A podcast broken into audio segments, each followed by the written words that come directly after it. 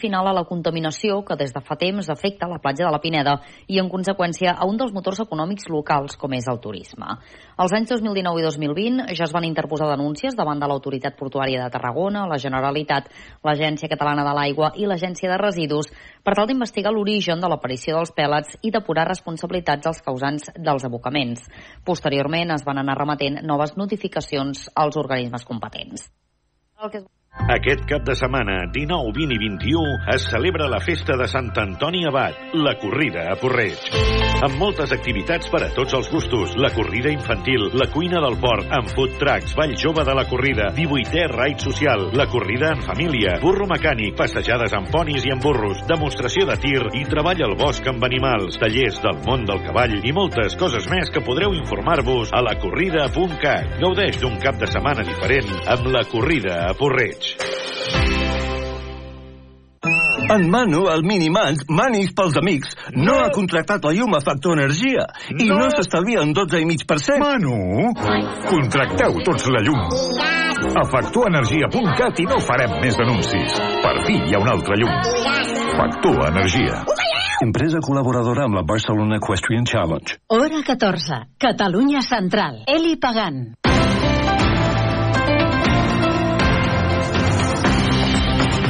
Hola, què tal? Molt bon migdia. Passen 21 minuts de les dues, hora 14, dia plujós, divendres de pluja, el d'aquesta jornada. Hores d'ara, no han pujat gaire les temperatures, tenim 8 graus i mig.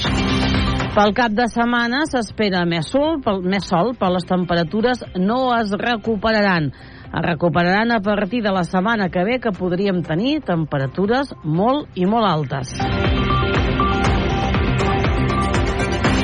En una hora 14 on avui els volem parlar de l'intens ple que va tenir lloc ahir a l'Ajuntament de Manresa.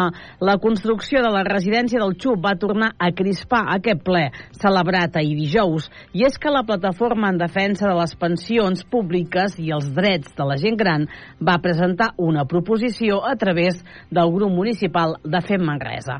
La moció, que finalment va ser rebutjada, proposava, entre d'altres, obrir una partida al pressupost de l'Ajuntament de Manresa per un import d'un milió d'euros. En la seva intervenció, la regidora Mariona Oms va defensar el fer compromís de l'equip de govern de construir aquesta residència, però amb la garantia que pugui tenir una seixantena de places concertades. Sense aquesta garantia, asseguren, el centre podria ser un equipament totalment privat. Durant el debat, la regidora va deixar caure també que la residència del sector Concòrdia, construïda i buida des de fa dos anys, obrirà les seves portes. I vaig dir que eh, buscaríem la manera de poder construir aquesta residència quan tinguéssim garanties de que la licitació permetria la construcció i la gestió. I amb això estem treballant.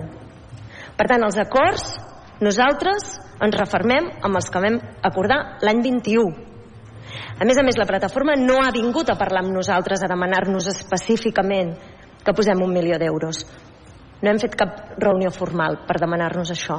Per tant, no n'hem pogut parlar. Jo tinc un acord amb la plataforma, tinc un acord del consistori i tinc un encàrrec del meu alcalde. I estem fent allò que hem dit que faríem.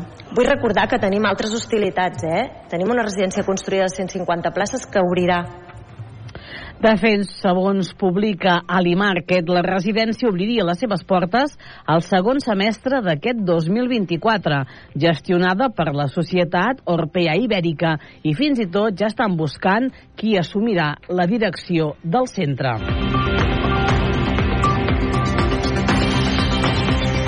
La cavalcada de Manresa segueix aixecant ampolles. Podem veure a les xarxes socials i fins i tot a la pàgina de l'Ajuntament un tant per cent elevat de persones que es queixen pel fet que ha estat una celebració a Manresa que pluja incorporada va ser pobra, trista i poc lluïda a poc més de tradicional.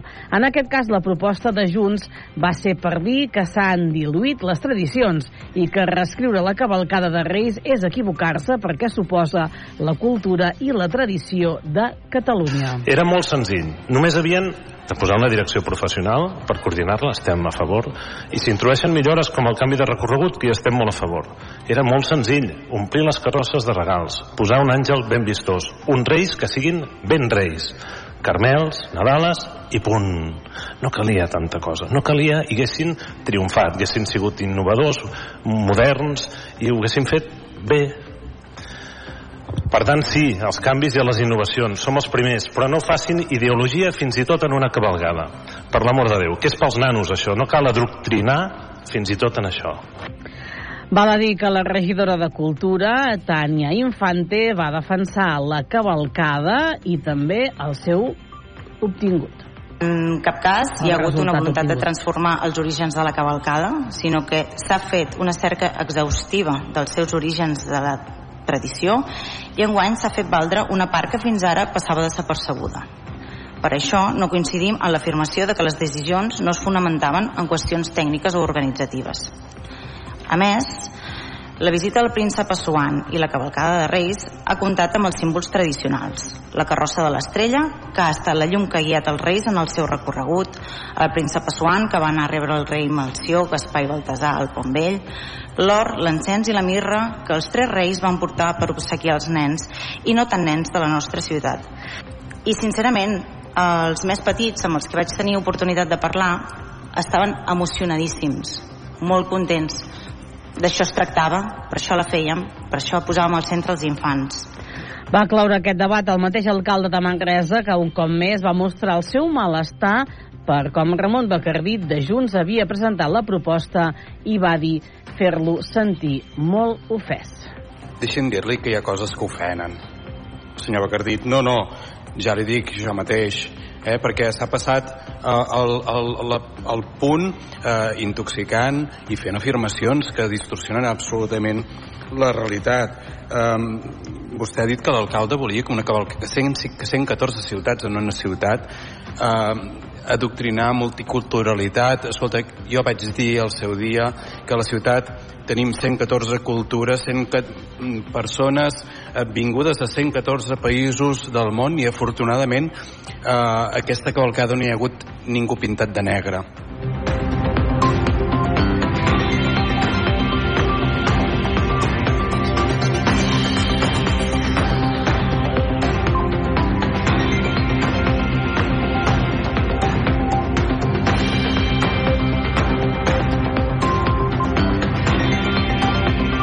Junts per Manresa va fer també una proposició en aquest darrer ple de l'Ajuntament de Manresa al voltant de la preservació del regadiu productiu de la ciutat.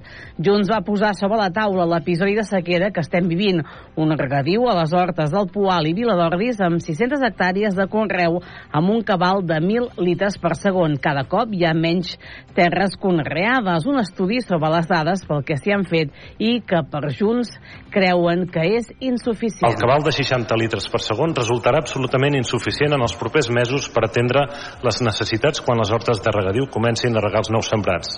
Aquest fet posarà en perill la producció de l'horta manresana i concretament la supervivència de les explotacions de producció intensiva i comercial dels pocs productors que encara tenim i que permeten l'abastament a la ciutat d'hortalisses i fruites.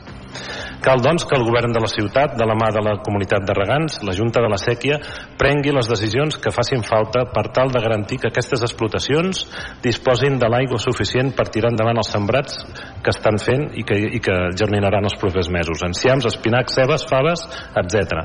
Estem parlant de que es prioritzi davant una situació d'emergència el bé principal, que és la supervivència d'explotacions eh, agrícoles, per davant de, siguem clars, del que és l'autoconsum o oci. Cal afegir que el regidor Pere Massagú va aclarir que la revisió de tarifes del Servei Públic de Subministrament d'Aigua i Clavegaram i posava sobre la taula la regulació de les ordenances amb un augment del 5,65% que s'aplicarà en el subministrament d'aigua i també del servei.